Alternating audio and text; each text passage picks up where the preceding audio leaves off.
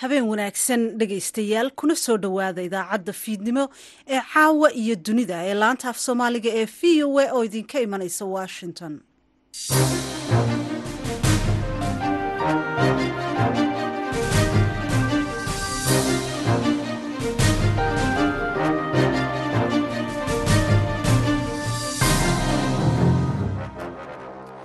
waa fiidnimo salaaso ah labaiyo labaatanka bisha noofembar sanadka labada kun iyo labaiyo labaatanka.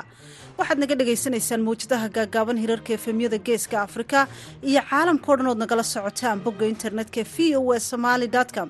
Idaacadda fiidnimona waxaa idinla socodsiinaya anigoo ah sahre ciidlo nuur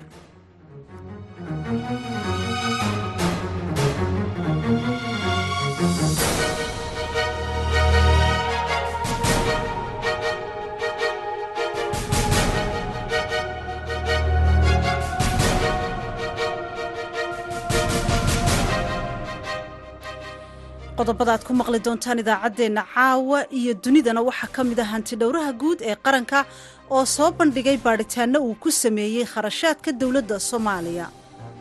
Wuxuu sheegay in xafiiska uu si gaar ah dareenka ugu soo jiidayo amaahda lacageed ee ka badan lix iyo sagaashanka milyan ee dollar ee wasaaradda maaliyaddu iyo dulsaarka la bixiyey ee afar iyo tobanka milyan ee dollar ka badan ee sannadkii dhammaaday ee laba kun koob iyo labaatan sidoo kale waxaad maqli doontaan warbixin ku saabsan iska horimaad ka dhacay deegaan u dhow magaalada buuhoodle. Waxaa xalay ka dhacay isku dhac ciidankii nabadgelyinta u tegay halkan. Guud ahaan dhaawuxu waa lix nin dhibashaduna waa laba nin. Ilaahay waxaan uga baryanaa intii dhibatayna in ilaahay u naxariisto. Inta dhaawacaana uu boogadhayo guud ahaan haddeena way xasiloon tahay arrintu. Qodobadaasi iyo kuwo kale ayaad ku dhagaysan doontaan idaacadda caawa iyo dunida. Marka horese warkii dunida aan idiin kormaro.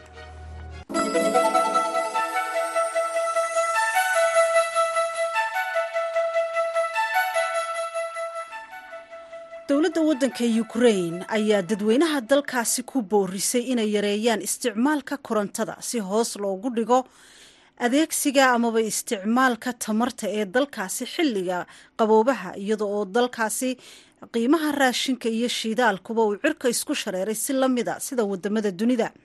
Hay'adda caafimaadka ee qaramada midoobay ee magaceeda loo soo gaabiyo w h o waxa ay ka digtay in xilligan qaboobaha ee ku soo foolla dunida dalka ukrain malaayiin qof oo ku nooli ay halis ugu jiraan qabowgaasi inuu gaadhsiiyo heer dhimasho. Sidoo kale waxay w h o sheegtay in dalkaasi ay ka jiraan xanuuno badan oo dadka soo ridanaya oo ay ka mid yihiin xanuunka coronavirus influenza iyo weliba jadeecada iyadoo ay yar yihiin dadka qaatay tallaalada lagaga hortago xanuunada faafa dalka maalina warbixin ka soo baxday madaxtooyada dalkaasi ayaa lagu sheegay in la joojinayo dhammaanba hay'adaha aan dowliga ahayn ee laga leeyahay dalka faransiiska ee ka shaqeeya waddanka maali warkan ka soo baxay dowladda oo lagu baahiyey xalayto telefishin waddankaasi ku yaalla oo loo soo gaabiyo magaciisa o r t m ayaa lagu sheegay in madaxweynaha waddankaasi maali ibraahim taroro uu xalayto sheegay amaba uu ku baahiyey bartiisa facebooka fiidnimadii isniintii. In uu joojiyey dhammaanba shaqada ay hay'adaha laga leeyay dalka faransiisku ka wadaan waddankaasi maali warbixintan ayaa imanaysa xilli dowladda waddanka faransiisku ay hore ugu dhawaaqday in ay joojinayaan maalgelinta dhaqaale iyo caawimada ay siiyaan waddanka maali taasi oo lagu sheegay in maali ay xidhiidh dhowlo leedahay waddanka ruushka. Sidaasi daraaddeedna wadamo badan oo reer galbeedihii ay geeska geliyeen. France ayaa sheegtay in ay yareyn doonaan kaalmada gargaarka bini-aadaminimo ee ay siinayaan waddankaasi maali iyo sidoo kale kaalmada ay kaga kabaan dhinaca horumarinta hase ahaatee madaxweynaha waddankaasi master tore ayaa sheegay in dowladdiisu ay go'aansatay inay mamnuucdo islamarkaana ay dhaqso hirgeliso go'aamada ka soo baxay xukuumaddiisa kuwaasi oo ka dhan ah dhammaan dhaqdhaqaaqyada ay wadaan ururada aan dowliga ahayn. Hay'adaha sida dadban uga shaqeeya waddankaasi ee dhammaan ka soo jeeda waddanka faransiiska kuwaasi oo qaarkood ay ku lug lahaayeen howlo bini-aadantinimo dhegaystayaal. Intaasi waxaa ku eg warkii dunida halkaad nagala socotaana waa v o a washington.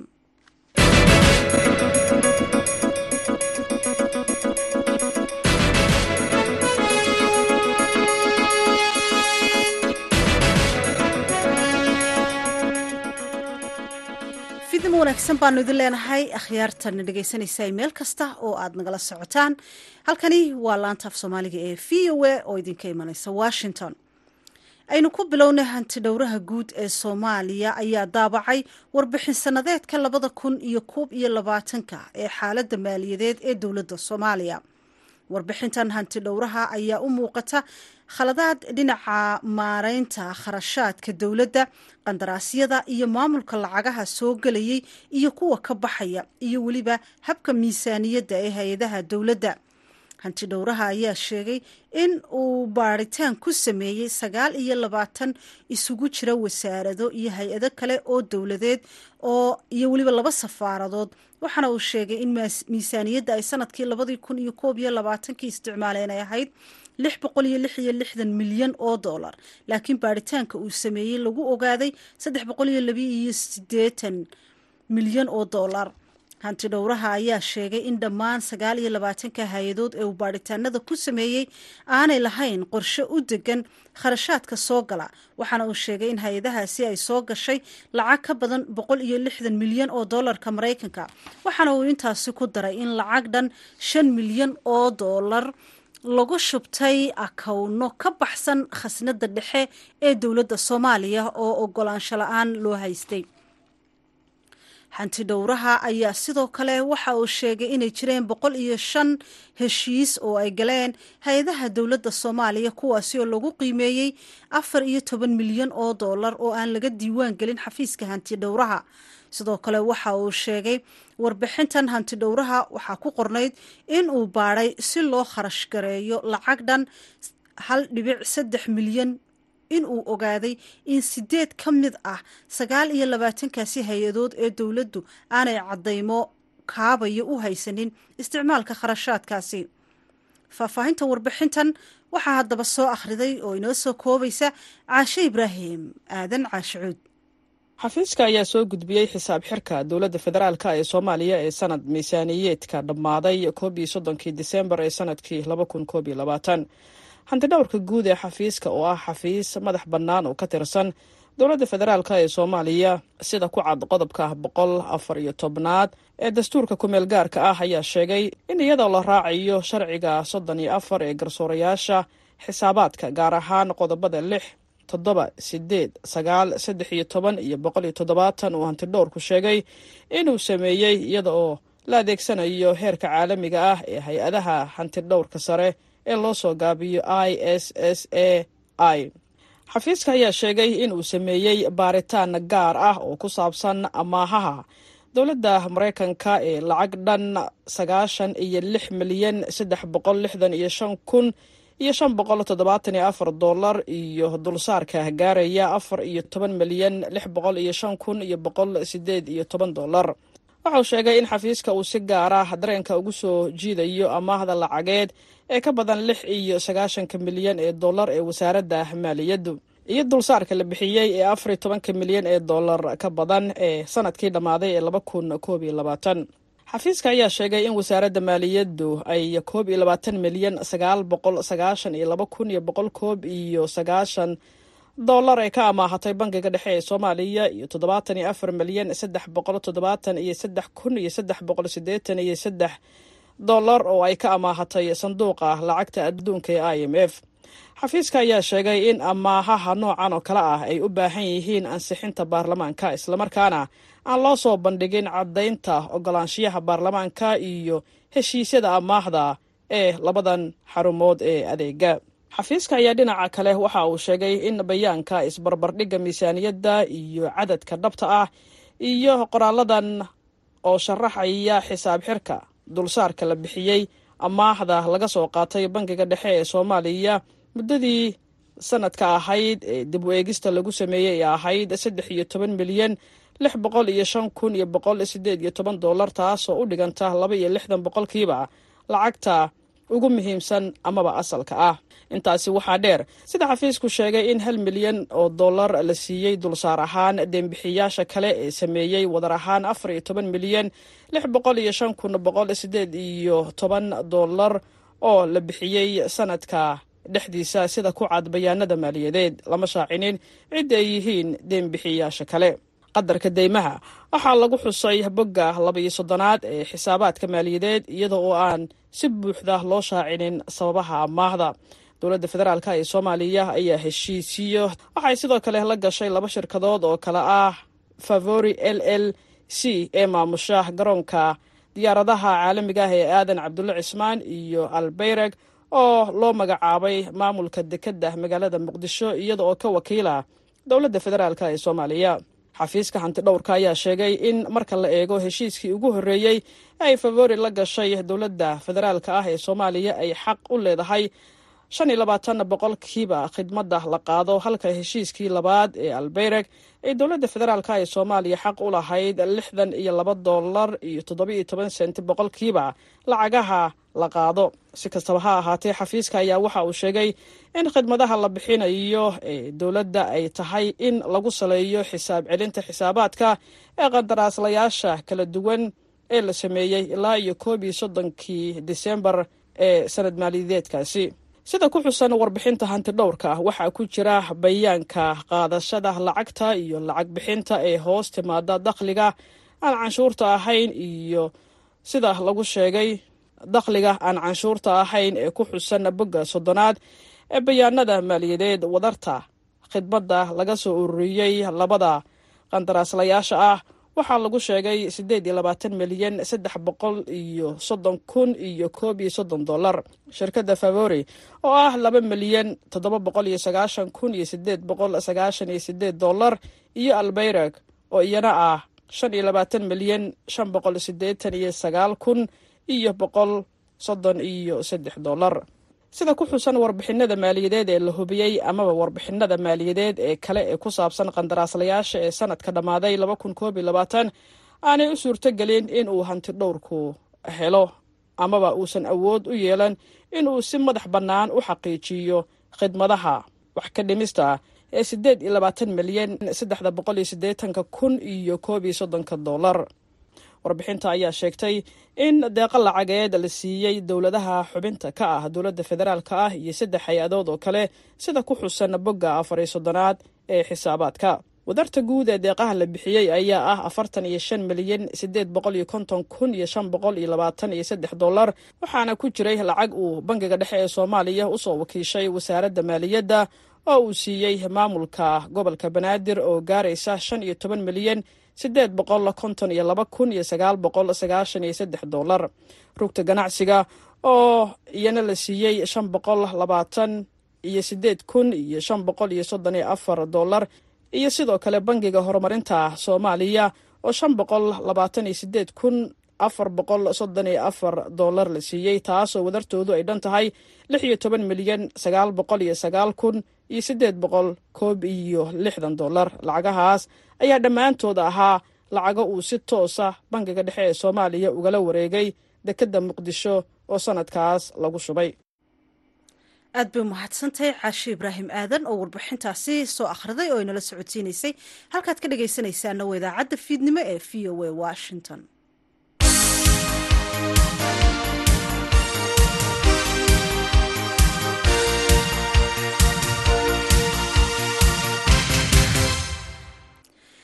waa hagaag dhegaystayaal wararka ka imanaya gobolka baay ayaa sheegaya in saaka uu ka dhacay saldhigga daynuunaay ee ciidamada dowladda soomaaliya oo siddeed iyo toban kilomitir ka baxsan magaalada baydhabo. Dagaalkaasi dhacay kadib markii ay soo weerareen maleeshiyada ururka al-shabaab. Sida uu ku soo waramayo wariyaha v o a mukhtaar maxamed catoosh kooxda al-shabaab ayaa duleedka deegaanka daynuunay waxay ku dileen laba ka mid a askarta ciidamada dowladda federaalk soomaaliya gaar ahaan qeybta lixdanaad. Ciidanka kooxda al-shabaab ay toogteen ayaa u soo socday magaalada baydhabo sida ay xaqiijiyeen saraakiil ka tirsan qeybta lixdanaad. Ciidamo gurmud u soo aaday ee askarta la toogtay ayaa waxaa jidka u galay kooxda al-shabaab waxaana halkaasi ka dhacay dagaal muddo kooban socday oo la isku adeegsaday hubka noocyadiisa kala duwan. Aadan maxamed cali aadan baawiish oo ka mid ah saraakiisha qeybta lixdanaad oo aan khadka telefoonka kula xidhiidhay ayaa v o a u sheegay inuu ahaa weerar gaadma oo kooxda al-shabaab ay ku soo qaadeen ciidamo ka tirsan xerada daynuunay islamarkaana laba askari laga dilay ciidamada isagoo intaasi ku daray in kooxda al-shabaab ay isaga carareen goobta markii halkaasi askarta ay ku dileen iyagoo khasaare intaasi ka badan aan geysan. Xaaladda xerada daynuunay ayaa haatan degan waxaana gacanta ku haya ciidanka qeybta lixdanaad. Ma ahan markii ugu horreysay weerar kadisa lagu qaado xerada daynuunay laba maalin ka hor ayay ahayd sidoo kale ciidamo ka tirsan qeybta lixdanaad oo u soo socday dhinaca magaalada baydhabo markii ay weerareen kooxda al-shabaab waxaana weerarkaasi ka dhashay khasaaro dhaawac oo soo gaaray ciidamada dowladda. Mukhtaar maxamed catoosh v o a baydhabo mukhtaar aad buu mahadsanyay halkaad nagala socotaan waa v o a washington haatana buuhoodle inta la xaqiijiyey laba qof ayaa dhintay lix qof oo kalena dhaawacya ayaa soo gaadhay kadib markii sida la sheegay ay dagaalameen laba ciidan oo isku hal ciidan ah laakiin kala taabacsan somalilan iyo puntland kuwaasi oo ku dagaalamay deegaan duleedka buuhoodle ku yaalla. Warbixintan waxaa noo soo diray wariyaha v o a cabdikareem olol. Iyo waxgaradka deegaanka qararo iyo isimada dhaqanka ayaa waxay ku jiraan sidii nabad halkaasi looga dhalin lahaa. Caaqil cabdikariin maxamed cabsiye oo ka mid a cuqaasha halkaasi ku sugan ayaa v o a waxay wax ka weydiisay xaaladda deegaanka qararo degmada qararo deegaankan aanu joognay iyo dadkii guddiyada ahaa ee nabadeynta galay haddana ku sugan isimada culamaauddiinka waxgaradka deegaankan buuhodle iyo sool ba isaga yimi. Ee ku sugan halkan anoo ku hadlaya waxaanu u joognaa waxaanu ahayn dadkii u tegay ergooyinkii u tegay nabad ilaalinta. Shaqaaqadii u dambeysay halkaa ka dhacday. Waxaa xalay ka dhacay isku dhac ciidankii nabad ilaalinta u tegay halkan. Guud ahaan dhaawaxu waa lix nin. Dhibashaduna waa laba nin. Ilaahay waxaan uga baryanaa intii dhibatayna in ilaahay u naxariisto. Inta dhaawacaana uu boogadhawo guud ahaan haddeena way xasiloon tahay arrintu. Mada caaqil halkaasi jooga ee isku dhacay ma ciidamada deegaanka mise waa ciidamo kale waxay ahaayeen ciidamada deegaanka guud ahaanba oo laba maamul ka kala tirsan puntland iyo somaliland ka tirsan labadaba nabad ilaalinu jooga deegaanka qararo oo gurmadkii ugu horreeyey ragga yimi ka mid ahaa. Ciidamadii gurmadkii ugu horreeyey yimi iyo culimadii iyo codkarkii iskumar yimi xabadda oo socoto ay ka mid ahaayeen ee xakameeyey. Tallaabadii ugu muhiimsanayd nabad ilaalintana qaatay. Hali wax ka sanaagya xalay intaasaa ka horey dhacday. Aad iyo aad baanu uga xunnahay aad iyo aad baanu uga xunnahay. Annagoo awoodda gurmadka ugu ballaarana la saaray oo xabadda oo socota ay isimada iyo culimada iyo waxgaradka deegaanka ciidamadaba isku yimaadeen maamul kastaa ka tirsanaadeen mar ay wada yimaadeen sida ay uga wada shaqaynayeenna ay ahayd sidii ugu wacnayd aad iyo aad baan uga xunnahay wax ka dhacay xalaa qararo waa gartay. Marka dadka wax soo gaadheen tiradoodu waa imisa? Daawuxu waa lix nin guud ahaan labada dhinacba dhimasho laba nina. Hadda xaalku waa sidee? Maadaama halkaasi ay ku sugan yihiin isimadii dhaqanka iyo odayaashii dhaqanka xaaladdu hadda siday tahayna aad iyo aad bay u wacan tahay aad iyo aad bay u degan tahay maanta. Ergadii hore ee ay hogaaminayeen sultaan siciid salamaan buraare iyo culamaauddiinkii waxgaradkii deegaankan ee hawsa gacanta ku hayey oo suldaan ku soo kordhay. Xalay ku soo weyday suldaan mustafa iyo wafd ballaaran oo hogaaminaya oo nabadgelyada gacanta ku haya aad iyo aad bay u degan tahay xaaladeedu heshiisyada reeruhu ay galaan had iyo jeer way buraan oo waxaa ka dambaysa wax ka dhex dhacaan oo gacanka hadal aanooyin ay dhex maraan. Maxaa heshiisyadaasi adkeyn kara ayay kula tahay oo wixii lagu ballamo inay sideeda u fulaan. Tallaabada koowaad ee ay ka soo noqdaan wax ka soo noqdaan waxna ku buraan waxaa kow kaa sida wax looga ballamay ama wax loo kala qaatay ama laysugu xukumay ergooyinka dhexda ay wax u xukumaan waan sida loo fulin kiisaska oo aan bixin ballamaha oo raaga muddooyinka oo dheeraada. Inta ugu badani waa xaaladaha oo aan sida looga ballamo iyo sida loo dhex galo u dhammaan oo ay kow ka tahay in in markiiba la bixiyo wixii laysku xukumaya magaa kow ay ka yihiin fariinta aa u dirayso dadka deegaanka maxay tahay qararo iyo guud ahaanba deegaanada kala duwan. Fariinta aan kaga faaidaysanaya fursadda deegaanka qararo iyo guud ahaanba deegaanka buuhodle iyo dalka intiisa kaleba. Waxaan ugu baaqayaa in la adkeeyo nabadgelyada. Waan wixii ka dhacay bishan bishan gudaheeda oo dhowr shaqaqoo kala bedelana ka dhexeen oo dhimasho sababto aan waxba laga laga dabadgeyn loona loona jiracsanaado dadka nabadda ku shaqadan cabdikariin nolol v o a magaalada laascanood haatana muqdisho madaxweynaha soomaaliya xasan sheekh maxamuud ayaa soo saaray qaraar uu dowladda cusub ku amrayo in la soo dhiso guddi cusub oo doorasho kadib markii la kala diray guddigii hore ee doorashooyinka. Wariyaha v o a cabdicasiis barrow ayaa warbixintan muqdisho nooga soo diray.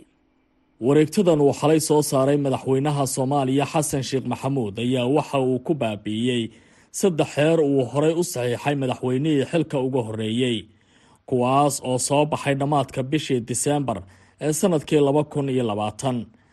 Xeerarkan ayaa kala ah xeer lambar afartan oo ku saabsanaa ansicinta sharciga wax ka bedelidda qodobka sagaalaad ee sharciga lagu dhisay guddiga madaxa bannaan ee doorashooyinka soomaaliya iyo xeer lambar afartan iyo laba oo isagana quseeya sharciga wax ka bedelidda qodobka tobanaad ee ah sharciga lagu dhisay guddiga madaxa bannaan ee xuduudaha iyo federaalka soomaaliya. Madaxweyne xasan sheekh maxamuud ayaa sidoo kale buriyey xeer lambar afartan iyo kow oo ku saabsanaa ansixinta sharciga hay'adda diiwaangelinta iyo aqoonsiga dadweynaha ee dalka. Madaxweynaha soomaaliya xasan sheekh maxamuud ayaa wareegtada uu ku baabiiyey xeerarkan waxa uu ku sheegay inay tahay mid salka ku haysa hanaanka markii hore loo maray xeerarkan ay tahay mid baalmarsan dastuurka kumeel gaarka ee dalka sida ay ku doodeen buu yidhi baarlamanka aqalka sare ee soomaaliya.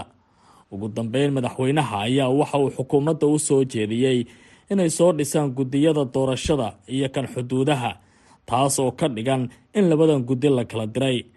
Dowladda uu hogaamiyey madaxweyne xasan sheekh maxamuud ayaa waxaa horyaala in waddanka ay gaarsiiso doorasho shacabku ay go'aaminayaan madaxda dalka iyo baarlamanka soo socda taas oo wax ka badan konton sano aan ka dhicin dalkan ku yaalla gobolka geeska afrika. Waana mid ka mid a shaqooyinka la filayo inuu qabto guddiga doorashooyinka madaxa bannaan ee la qorsheynayo in la soo dhiso.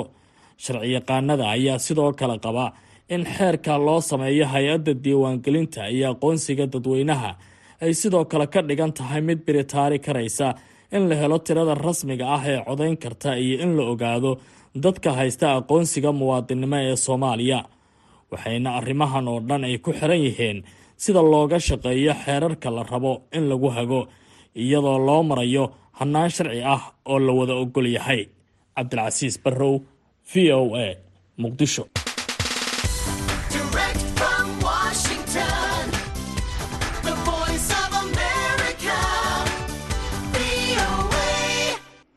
waa hagaag dhegeystayaal weli waxaad nagala socotaan idaacadda fiidnimo ee laanta af soomaaliga ee v o a. Haatana ciyaaraha dunida ee ka socda qatar dalka qatar waxaa maalintii saddexaad ka socota ciyaarta koobka adduunka.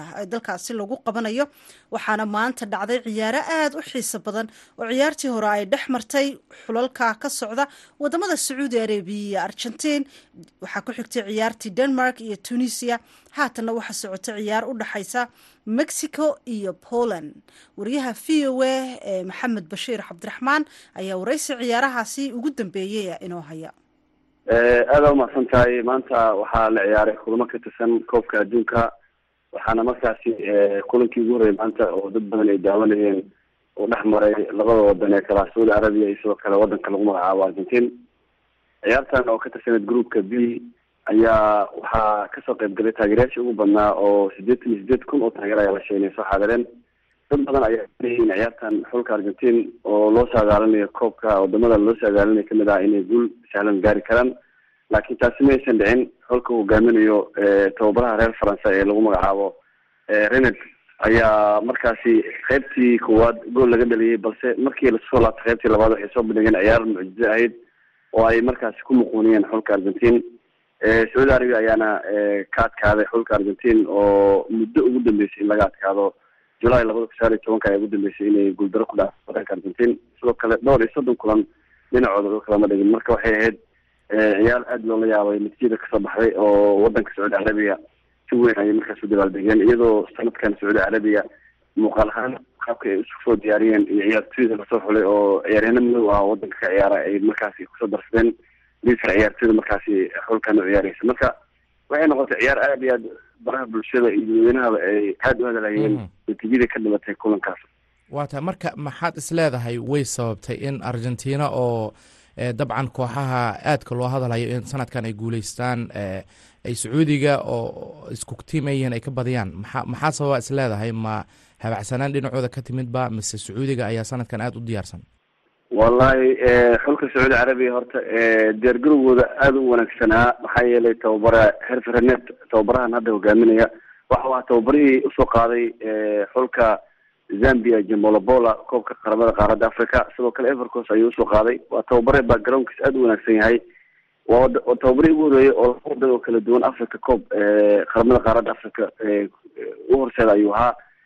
Xulkanna si fiican ayuu markaas u soo diyaariyey laacibiin aada u wanaagsan oo tayadooda ay wanaagsan tahay ayaa u soo xulay sanadkan walow markaasi dhaawacyo qaarkood lamartadoodo kale dhaawac uu garoonka ugu baxay sidoo kale isbedelkiisana uu aada u wanaagsan marka xulka argentine meel kasta oo dunida waxaa laga hadlayay argentine brazil waddamada favoritka oo koobkan ku guuleysan kara wuxuu ahaa dal soo diyaariyey oo koobka latin america ku soo guuleystay wuxuu ahaa dal aan adkaan muddo dhowr iyo soddon kulan wuxuu ahaa dal aada loo hadalhayay ahaa laakiin waxaysan filayn ayaa garoonka qabsaday.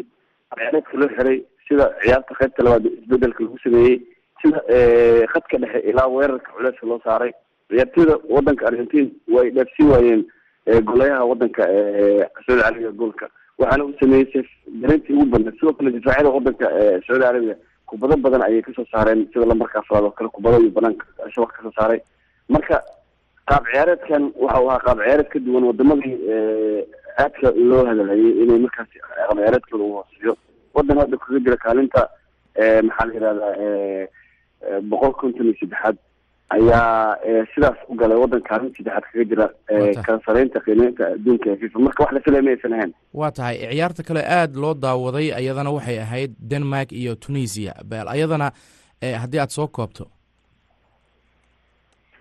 Wadanka tunisia oo ka mid ah waddamada africa ugu matelaya ka koobka qaramada qaaradda africa ayaa noqday dalkii ugu horeeyay oo dhibic ka hela oo africa ka socda markii ay ciyaar xiise badan ay ka hortageen wadankan lagu magacaabo denmark. Marka ciyaartan afartan iyo laba kun aa soo xaadirtay tunisia fursado kala duwana heshay oo marka loo firsho ciyaarta dadansigeeda weerarka waa ciyaarta ugu korada badan ayaa yiri oo koob adduun sanadka ka dhacda. Labada xul korweyn badan ayay heleen inta ciyaarta socotay. Marka inay tunisia hadda kaalinta koowaad hadda ay ufadhiso groupka d iyadoo hal dhinac wadata oo labida denmark waxay ka dhigan tahay inay markaasi rajadeeda aada u wanaagsan tahay kulamada faransa iyo australia ka hortagi doonto marka waxay ahayd ciyaar mucjizo ah oo iyadana markaasi weerarkeeda iyo waxaa la yihahdaa iyo qaab qaabkeeda uu aada u wanaagsanaa. Dhan kale waxaa leeya waa ciyaarta ugu horeysay oo markaasi gool la'aan noqoto tani markii uu bilowday koobka adduunka oo ahaa kulankii markaasi lixaad kulankan waa tahay labada ciyaar iyana la filayo in ay dhacaan isla maanta iyo kooxaha ama dalalka isaga hor iman doona iyo saadaashu waxa aad ku saadaalin lahayd bal haddii aad saadaal ka sii bixiso. Hadda waxaa socota kulan ciyaareed aada u xiiso badan wadanka lagu magacaabo poland ayaa markaasi waxa ula ciyaaraya wadanka mexico oo ah dal ka mid a dalalka caanka ku ah ka qaybgalka ciyaaraha koobka adduunka poland waxay wataan ciyaartoy aada u wanaagsan oo yurub caanka ah sida weerareenka kooxda barcelona robert londinski inkastoo markaasi mexican ay wataan laacibiin isku dheelitiran oo ciyaaraha latin america ay si fiican u ciyaaraan. Haddana koobka adduunkan ay taarikh fiican ku leeyihiin waxaa la filayaa ciyaartooda inay ka soo baxdo natiijooyin kala duwan oo xul walba markaasi wixii uu ku soo dadaalay uu ka heli karo walow leeyahay poland haddii londinski uu caawiyo waa suurtagal inay markaasi natiijo ka keeneen ciyaartan. Laba laba wadan oo aan in badan kala fogeyn marka loo fiirso sida loo qiimeynayo natiijooyinkooda. Balse ciyaarta aadka loo sugayo caawa waxay dhex mareysaa dalalka kale ah. Faransa oo iyaga ah daafacayaasha koobka adduunka iyagoo ka hortagaya wadanka australia. Faransiiska waxay wataan laacibiintii koobka la soo guuleystay koobkii ugu dambeeyey walow ay ka maqan yihiin badan oo muhiim ah sida benzama oo dhaawacii ugu dambeeyey soo gaaray bawel bagba oo aan ku soo bixin xulashada oo dhaawac ka kaga maqan xulkan iyo sidoo kale kante oo ah nin aada u wanaagsanaa balse dhaawacyo kala duwan ku sheegay koobka adduunka marka faransiiska waxaa leeyahay faransiiska kii hore ma noqon doonaa sannadkii ugu dambeeyey koobka adduunka ku guuleystay mise faransa cusub ay ciyaari doonto maadaama denmark oo maadaama markaas ciyaarayaan wadan ka mid ah waddamada markaas koobkan ka qaybgelaya ee australia marka keliyan mbebe ayaa aada loo hadalaya inuu koobka adduunka uu saameyn ku yeelan karo maadaama faransa hadda uu yahay ninka ugu saameynta badan ee markaasi matalaya kaasi wuxuu ahaa maxamed cabdi muudey oo ka tirsan qeybta sportska ee telefishinka loo yaqaano astan cable. Wuxuu u waramayey maxamed bashiir cabdiraxmaan oo v o a ka tirsan. Halkaad naga dhagaysanaysaan waa v o a washington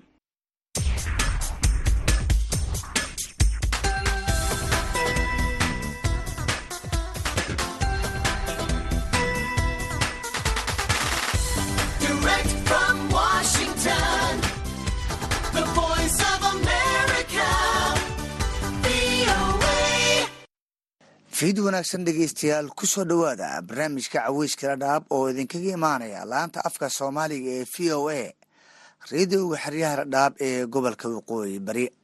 Barnaamijka toddobaad walba waxaad ku dhegeysataan laba mawduuc oo ah kuwa ay ugu hadalheynta badan yihiin bulshada ku nool xeryaha dhadhaab ee gobolka waqooyi bari. Dhegeystayaasheena dhadhaab iyo deegaanada ku xiran waxay barnaamijka ka dhegeysan karaan mawjada f m t ee v o a hal eber todoba dhibic lix megahartis barnaamijkeena caawa inta badan waxaan uga hadli doonaa dadaal xoogan oo lagu caawinayo dadka abaaraha ka soo barakacay oo ay bilaabeen qaxootigii hore ee ku jiray xeryaha iyadoo gargaar ay iska arooriyeen qaxootigaasi la guddoonsiiyey boqolaal qoys oo ka mid ah qaxootiga cusub. Sidoo kale barnaamijka waxaad ku maqli doontaan muruqmaalka ku nool xerada xagardheera oo ka warbixiyey saameynta ay noloshooda ku yeelatay sicirbararka ka jira maciishada qeybaheeda kala duwan. Dhegeystayaal kama marnaa xubintii shakhsiga toddobaadka oo uu caawa marti ku yahay konton iyo lix jir naafa ah oo ku nool isla xerada xagardheera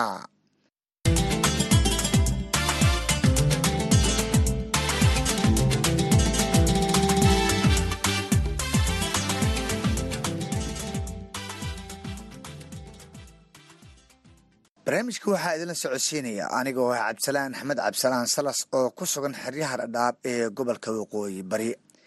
Aan ku bilaabo qodobka ugu horreeya xerada qaxootiga dhagaxley ee kaamka dhadhaab waa madasha ugu badan ay ku nool yihiin qaxootiga cusub ee ka soo barakacay abaaraha ku dhuftay koonfurta soomaaliya kuwaas oo xeryaha soo gaarayay bilihii la soo dhaafay si ay u helaan gargaarka samafalka ay bixiyaan hay'adaha ka howlgala gobolka waqooyi bari qaxootigan oo badankiis aan helin caawinta haydaha samafalka. Ayaa ku nool xaalad adag iyadoo qaxootiga ku jira xeryaha. Ay bilaabeen inay caawiyaan walaalahooda ku dhibaataysan gudaha xeryaha. Waxaana culimada iyo haweenka dhalinyarada iyo hogaanka xeryaha ay bilaabeen wacyigelin iyo olole ku aadan qaabkii qaxootigii hore ay ugu gurman lahaayeen qaxootiga cusub ee ku dhibaataysan deegaanka bulobakti iyadoo qaxootigu ay ku guuleystay inay caawin iyo sanfal u sameeyaan qaxootigaas cusub. Kadib markii qoysaska qaxootiga ay bilaabeen inay iska soo arooriyaan raashinka dharka iyo waxyaabaha kale ay u soo aroorin karaan walaalahooda dhibaataysan. Haddaba muxuu yahay gargaarkaasi? Imise qoys ayaana ka faa'iidaysatay? Waxaan arrintaasi weydiiyey qaar ka mid ah waxgaradka qaxootiga oo ololahaasi ka waday gudaha xeryaha waxaa la yidhahdaa xuseen ibraahim maxmed waxaan ahay nin qaxootigii hore oo sagaashan labada imaaday. Annagoo iska dhibaataysan oo sidaanada iskagaba dhibaataysanaya dad walaalahan oo naga daran imaaday. Marka waxaan ku isu dhabarjebina dadka walaalahan inaan wax u qabanno. Waxaan u qaban karna aan u qabanno. Shanta kiiloon soo qaadana inaan laba kiilo ka siino. Ayaan ku talagalnay. Marka annagii oo qaxooti ahayn baa qaxooti dhibaataysan noo imaaday waa sidii marka gurmad baan samaynay gurmadka aan samayna waa midkaan ku guulaysanay alxamdulillah maanta aan dadka walaalahan waxay aan qaban karaan aan u qabanay waa tahay xuseen waxyaabaha aad qaybinaysaan maxay yihiin? Tirada aad aad u qaybiseenna waa ilaa iyo imisa? Waxaan horta aan qaybinayna waxaa weeye xoogaa yar oo raashiina baco waxa la yidhahda maacuun jirgaamo iyo saliyo oo gool ay ku seexdaan. Intaasaan qaybinaynaa. Marka dadka aan u qaybinayna waxaa weeye maanta dadkaan u qaybinayna waxaa weeye boqol afartan iyo siddeed qof ayaan maanta u qaybinaa. Yaan maanta gaarsiina boqol afartan iyo siddeed qoys. Waa tahay dadka abaarta ka soo barakacay ee dhibaataysan aad bay u badan yihiin. Dadkan qaabkeebaad u soo kala xulateen. Waxaan u soo xulannay dadki waxaan ugu tagnay guryahooda. Ninkii guriga markaan tagnay kii bac u baahan bac baan u soo qornay. Kii darin u darin baan u soo qornay. Kii maacuun u wax wax ku karsada la'ana wax wax ku u soo qornay. Kii jirgaan uu biyo ku dhaansada la'ana jirgaan uu biyo ku dhaansadaan u soo kala qornay. Nin walba gurigiisaan ugu tagnay meesha uu degan yahay oo guri ahaan uu degan yahay guri ma jire ayaan ugu tagnay oo u fadhiyo. Waa tahay yaa idinka gacan siiyey marka adeegan iyo agabkaa qaybinaysaan? Adeegan nin naga gacan siiye male qaxootiga dhagaxley oo masaajidyada oo baa naga gacan siiyey oon u sheegnay oon dhibkaasa jiro masaajida baa naga gacanna siiyeen. Qof walba wuxuu heli kara ayuu keenay waxa weye masaajidkaana la keenay kii marada keeno kii bacda keeno kii burjukaa keeno kii keeno digsiga kii keeno baaquliga. Nin walba wuxuu hayey buu keenay hadduu keenay nagu soo wareejiyey annagana waan qaybinay marka. Waa tahay in qaxooti qaxooti kale u gormado maxay ka dhigan tahay? Arrin aad u wanaagsan weeye arrinta ayada waa arrin aad u wanaagsan hadda waxaana rabaa waxaan codsanayaa in lagu daydo arrinta ayada lagu- ay ku daydaan qaxootiyada kale ay ku daydaan oo nin walba sidan aan bulshada dhan ay ku dayata sidaan annaga samayna. Maadaama ay hay'adihii ay gaabiyeen oo sidii laga rabay yani dadka ay uga gaabiyeen dadkan ilaa lix bilood toddoba bilood meeshan ay degan yihiin wax wax u qabtay aan jirin waxaan rabnaa in ay ay ku daydaan dad walaalaheen ay ku daydaan. Kufilnaansho in la gaaro oo nin walba ninka kale wuxuu siin kara uu siiyo oo qaxooti ah. Ficil fiican oo lagu dayan kara ayaan samaynay waxaan codsanaynaa in lagu daydo oo waxaan samaynay lagu daydo. Nin walba ku daydo. Dadkan waxay ka yimaadeen soomaali. Eh, waxaan kaloo codsanayaa eh, qaxootiga dadka jooga oo waa dad hanti iska jiro dad waxaa jiro dibadaha ma jiro dad banaanada jiro dad soomaaliba naftirkeeda jiro oo hanti lahaa jiro dadkan walaalahooda oo ka soo qaxayn inay inay u gurmadaan u soo gurmadaan baan ka codsanayna ayagana oy dadkan u soo gurmadaan. Waatan sidoo kale mid ka mid ah waxaan la joogaa wadaadada xerada ku bilow magacaaga kana warbixi dadaalkan qaabka aad ku bilowdeen oo maanta u muuqdo mid miro dhalay. Magacayga oo saddexaan haddii aan sheego waa saalax maxamed xasan oo joogo xarada dhagaxley. Maasha allahu dadaalkan waa dadaal aad u wanaagsan oo dhiirigelin mudan oo soo dhoweyn mudan meel kasta oo bulshada caalamka ay joogto. Alxamdulilah arrintaa waxaan ku bilownay awalkeedii hore. Waxaana soo duldegay annaga qaxooti ah oo bulsho ah weliba aad u tabaalaysan dad eh, alxamdulilah bulshadii. Waxaana soo duldegay dad qaxootiho ayagana naga sii daranoo sii liito oo meel ay ku hoydaan aan lahayn oo yacni gogol aan haysanin baca iyo roobka ka asheerin aan haysanin cunana aan haysanin baana soo duldegay. Sidaa darteed markaan dadka fiirinay islaamka ahaa ee muslimiinta ahaa ee qaxootiga ahaa dadkeeni bulshaweynteeni waxaan ku wacdigelinay inay dadka walaalaha ah ay garab qabtaan ay maaragtay waxay heli karaan cunto ay siin karaan wixii dhar hoy siin karaan wixii baco hoy siin karaan inay markay ku caawiyaan. Yaan bulshada culamaa ku wacdigelinay alxamdulilah tii ilaahay baan nagu garab galay. Bulshadii baan la kaashanay. Waxbay u aruuriyeen alxamdulilah maasha allah masaajidaan ka iclaaminay goobaha bulshada madaxda culamaa udiinka ay iskugu tagaan baan ka iclaaminay. Arrintii waa la soo waa la qaatay maasha allah arrintii hogaamiyaashii ee maasha allahu ee meesha deganaa bulshada meesha degan hogaamiyaasheedii baan yaan markaa la kaashanay. Si fiican bay u soo dhoweeyeen. Arrintii baan marka ku tilaabo qaadnay. Si dadkaas aan u caawino oan u gaarsino waxaan u heli karno u awoodi karno. Alxamdulilah ilahay wuu nagu guuleeyey. Ilaa muddaan soo wadnaa hadda ilaa muddo yaan wadnaa ku dhowaad boqol iyo konton qoys ayaan wax siinay. Marka alxamdulilah oon baahidana aad bay u sii badanta baahidooda markaan fiirinay. Xagga cunnada iyo weliba waxa ugu daran xagga bacaha iyo waxay markaa roobka ka asheeri lahayeen dad maato aad u tabaalaysan way dadkaas muslimiinteena eh. Bulshada kale ama caalamka kale ama muslimiinta kale oo maaragtay dal iyo dibadba degan waxaan marka ayaga laftooda aan marka aan weydiisanaynaa ama aan marka u sheegayna u soo bandhigaynaa inay nagu daydaan ayaga laftoodana dadka inay maarata gurmad u sameeyaan oo na soo caawiyaan ayaga laftooda. Dadkan wixii marka la siin lahaa ay nagu dhaamaan inay ku soo caawiyaan. Taas ayaan maarata insha allah aan ka codsanaynaa bulshada. Sharafta lah.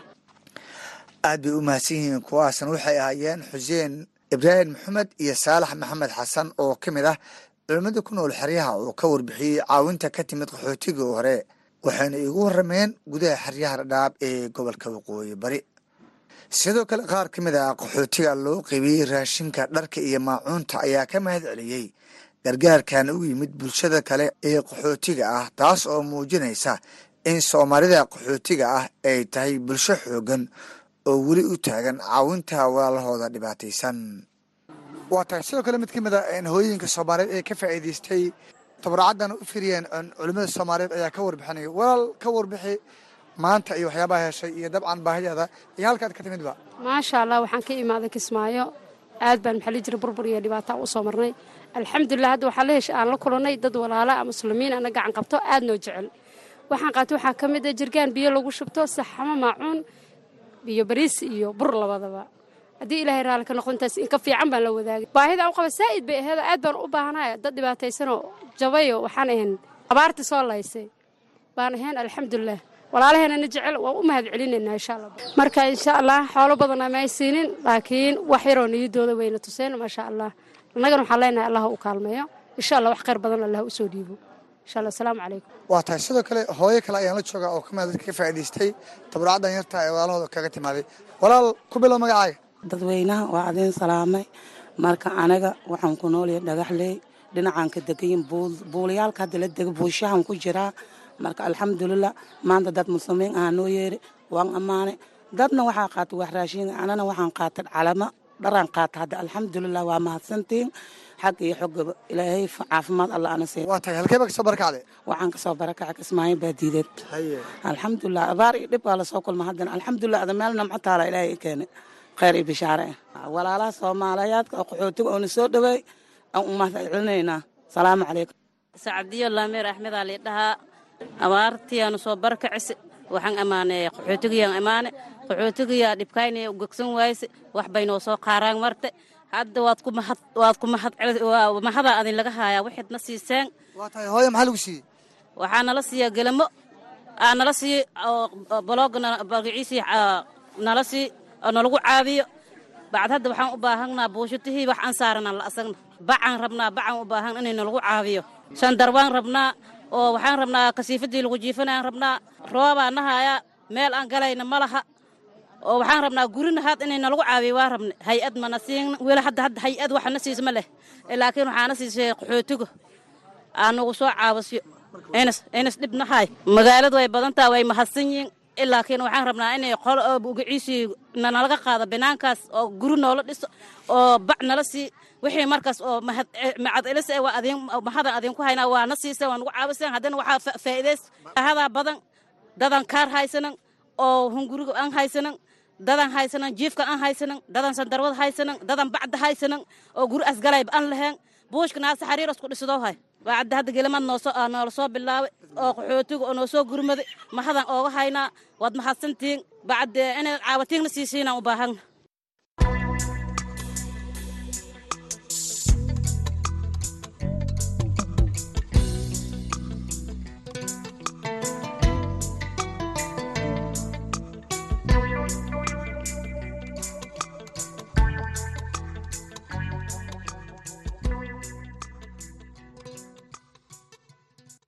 halka aad naga dhegaysanaysaan waa laanta afka soomaaliga ee v o a barnaamijkeena toddobaadlaha ah ee caweyska dhadhaab dhegeystayaal markaana idinku wareejiya saaxiibkay axmed cabdilaahi jaamac axmed deere oo stuudiyaha igula sugan oo inoo sii daadihiyo barnaamijka qaybihiisa kale. Mahadsaned cabdisalaan axmed dhegaystayaal waxaad nagala socotaan barnaamijka caweyska dhadhaab oo aad ka dhegaysanaysaan laanta afka soomaaliga ee idaacadda v o a si toosnaha idinkaga imanaya xeryaha dhadhaab ee gobolka waqooyi bari ee dalka kenya. Magacaygu axmed cabdulaahi jaamac axmed dheere ku soo dhowaada warbixinno kale oo ku saabsan nolosha qaxootiga ku jira xeryaha dhadhaab oo qayb ka ah barnaamijka caweyska dhadhaab ee toddobaadkan. Qodobada aad ku maqli doontaanna waxaa ka mid ah xubintii shakhsiga oo toddobaadkan uu marti noogu yahay yuusuf cabdi yacquub oo ah lix iyo konton jir naafa ah oo ku nool xerada xagardheer waxaad waraysiga uga bogan doontaa nolosha iyo baahiyaha gaarka u a dadka naafada ah ee ku nool xeryaha dhadhaab. Waxaa kale oo aad maqli doontaan qaar ka tirsan dadka muruqmaalka ah oo ka hadlaya saamaynta dhinaca nolosha ah ee ka dhalatay qiimaha raashinka iyo waxyaabaha kale ee lagama maarmaanka u a nolosha oo aad u kordhay xeryaha qaxootiga. Tan iyo markii uu bilowday dagaalka u dhexeeya dalalka ruushka iyo yukrain aan ku bilaabay xubinta shakhsiga. Yuusuf cabdi yacquub waa guddoomiyihii hore ee guddiga naafada xeradii la xera ee kaambicaws haddana waa xubin firfircoona u dhaqdhaqaaqda dadka naafada ah ee ku nool xeryaha dhadhaab. Yuusuf waxa uu si faahfaahsan uga warramayaa caqabadaha nololeed ee u gaarkaa dadka naafada ah ee xeryaha qaxootiga marka laga yimaado duruufaha adag ee qaxootinimo oo ay la wadaagaan dadka kale ee xeryaha ku jira. Walaale nafta biyo nolosha caanaa la dhihi jiray. Dadku waxaa weeye ma haystaan wax biyo ah biyola-aan baa carrada ka jirta dee inay abaarta tahay iyo inay matoorada jajaban yihiin ma naqaana. Qaxooti oo dhanbana waa nala qabaa annaguna gaar baan u siina dhibaatada biyo la'aanta. Haddaan nahay naafada ku nool xeryaha qaxootiga oo xagardheer siiba xagardheer baan hadda anugu maaragtay aan joogaa. Xagardheer maaragtay aad iyo aad baa oon ugu jiraa oo biyo hal sanaan biyo la'aan nahay. Marka tuubooyinku way xariirsan yihiin biyana ma lahan. Hal caag baa qoyska maalinka u dhaansanayaa laba caag baad hesheen hal caag baad hesheen baana la leeyahay.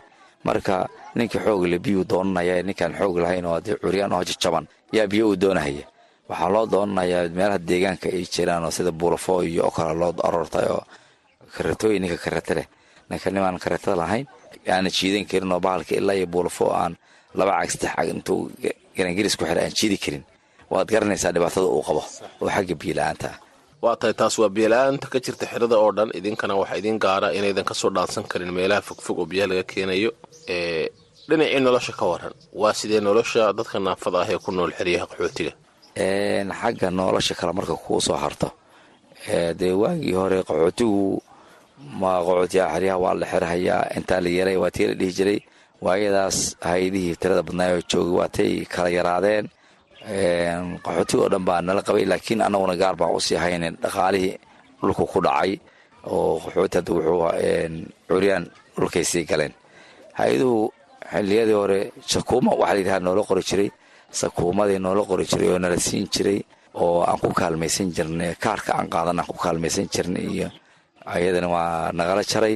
Kuumada waxay ahayd wax maaragtay w f b iyo hay'adaha ay iska kaashadeen iyo u n iska kaashadeen.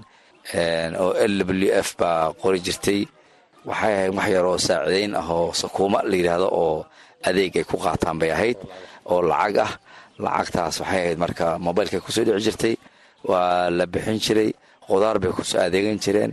Adugu sideed boqol baa u dambeysay marka noogu dambeysay sideed boqol bay ahayd. Marka waa waay hadda maan arag dhowr sana maan arkin.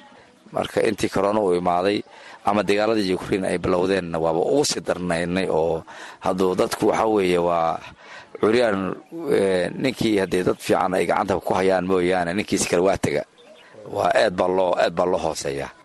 Ilaahay haddii xaggiisa maaragtay lagama dhimanin laakiin waxaad moodaa dadkaasu inay maarata aad u liitaan oo maanta garab qabasha iyo maaragtay iyo gacan ay u baahan yihiin. Waxyaaba waxaa jira u gaara dadka naafada ah oo inta badan aan xabashadooda maqallo wax ka mid a dhinaca shaqada oo kale.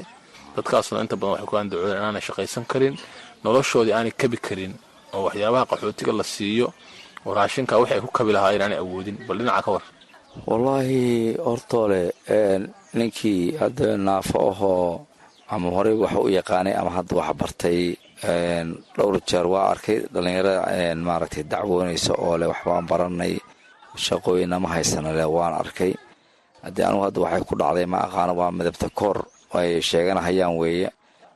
Xaggaas kama ay maaragtay kama hufno oo niman hadda bulshada kale sida shaqada loo siiya loo siiya ma aha. Waxaa kuu soo haray shaqooyinka murqumaalka ah shaqooyinka murqumaalka ah waagii hore waxaa na caawin jiray oo na garab istaagi jiray oo dukaama layfood ay dadku wax u furi jireen ama karitooyin ugadgeli jiray ama naga warqabay hay'adihii bay naga warqabi jireen waagii hore laakiin hadda waa hadda kawarqabka waa dhammaada kawarqabka waa dhammaaday wixii maaragtay la isku caawin jirayna way dhammaadeen harqaamaa qaar la bari jiray harqaamaa la siin jiray qaar waxaa la siin jiray. Haddooledmaayo maalgelin oo karitooyin iyo ari iyo waxbaa loo jiray wixii oo dhan ba abaarihii iyo gaajooyinka marka la dhibaatooday. Oo wax fiicanoo la soo qaadan la waayey oo maceeshadii cirka ay gashay oo haafka bariiska ahaa afar kun baa la gadahayaa qoyskiina waa qoys laga yaabo inuu ama lix ama shan ka kooban yahay. Wixiina ay yaryar yihiin. Laga yaaba haddina inuu habar uusan lahayn oo odaygii curyaan u dhex fadhiya. Ilmihii dhex fadhiya. Markaasaa dee odagiina ma shaqeeya.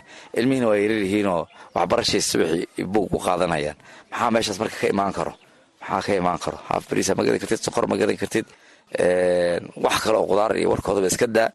Marka hay'adihii ku caawin jiray oo ku garab taagnaan jiray oo guryaha soo geli jiray oo dhihi jiray lifefood ama sakuumo ama waxay jireen meesha waa ka baxeen.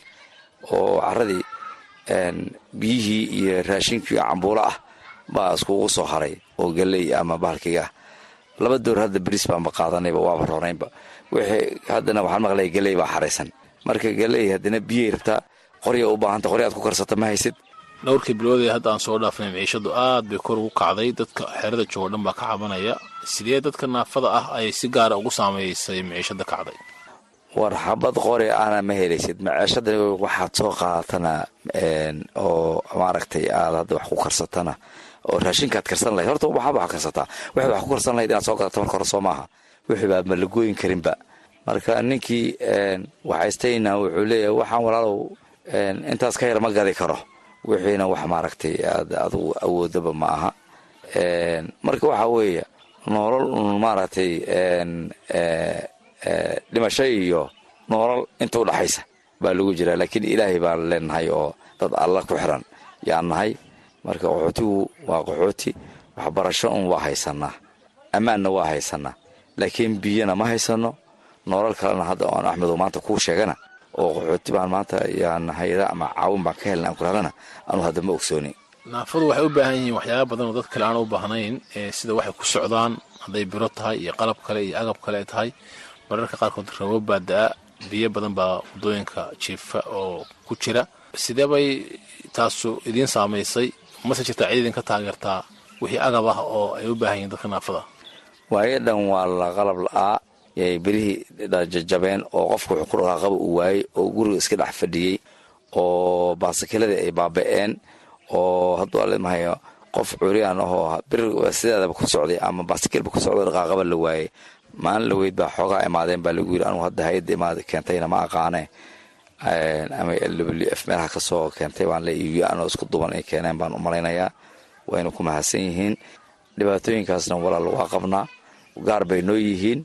Wax kasta oo maaragtay qaxootiga ka dhaca oo qaxootiga oo dhan ku dhaca haddina annagu waa u sii nugulnaho gaar baan u sii nahay. Kaasi waxa uu ahaa yuusuf cabdi yacquub oo ka mid ah dadka naafada ah ee ku nool xeryaha dhadhaab oo marti igu ahaa xubinta shakhsiga ee toddobaadkan oo qayb ka ah barnaamijka caweyska dhadhaab.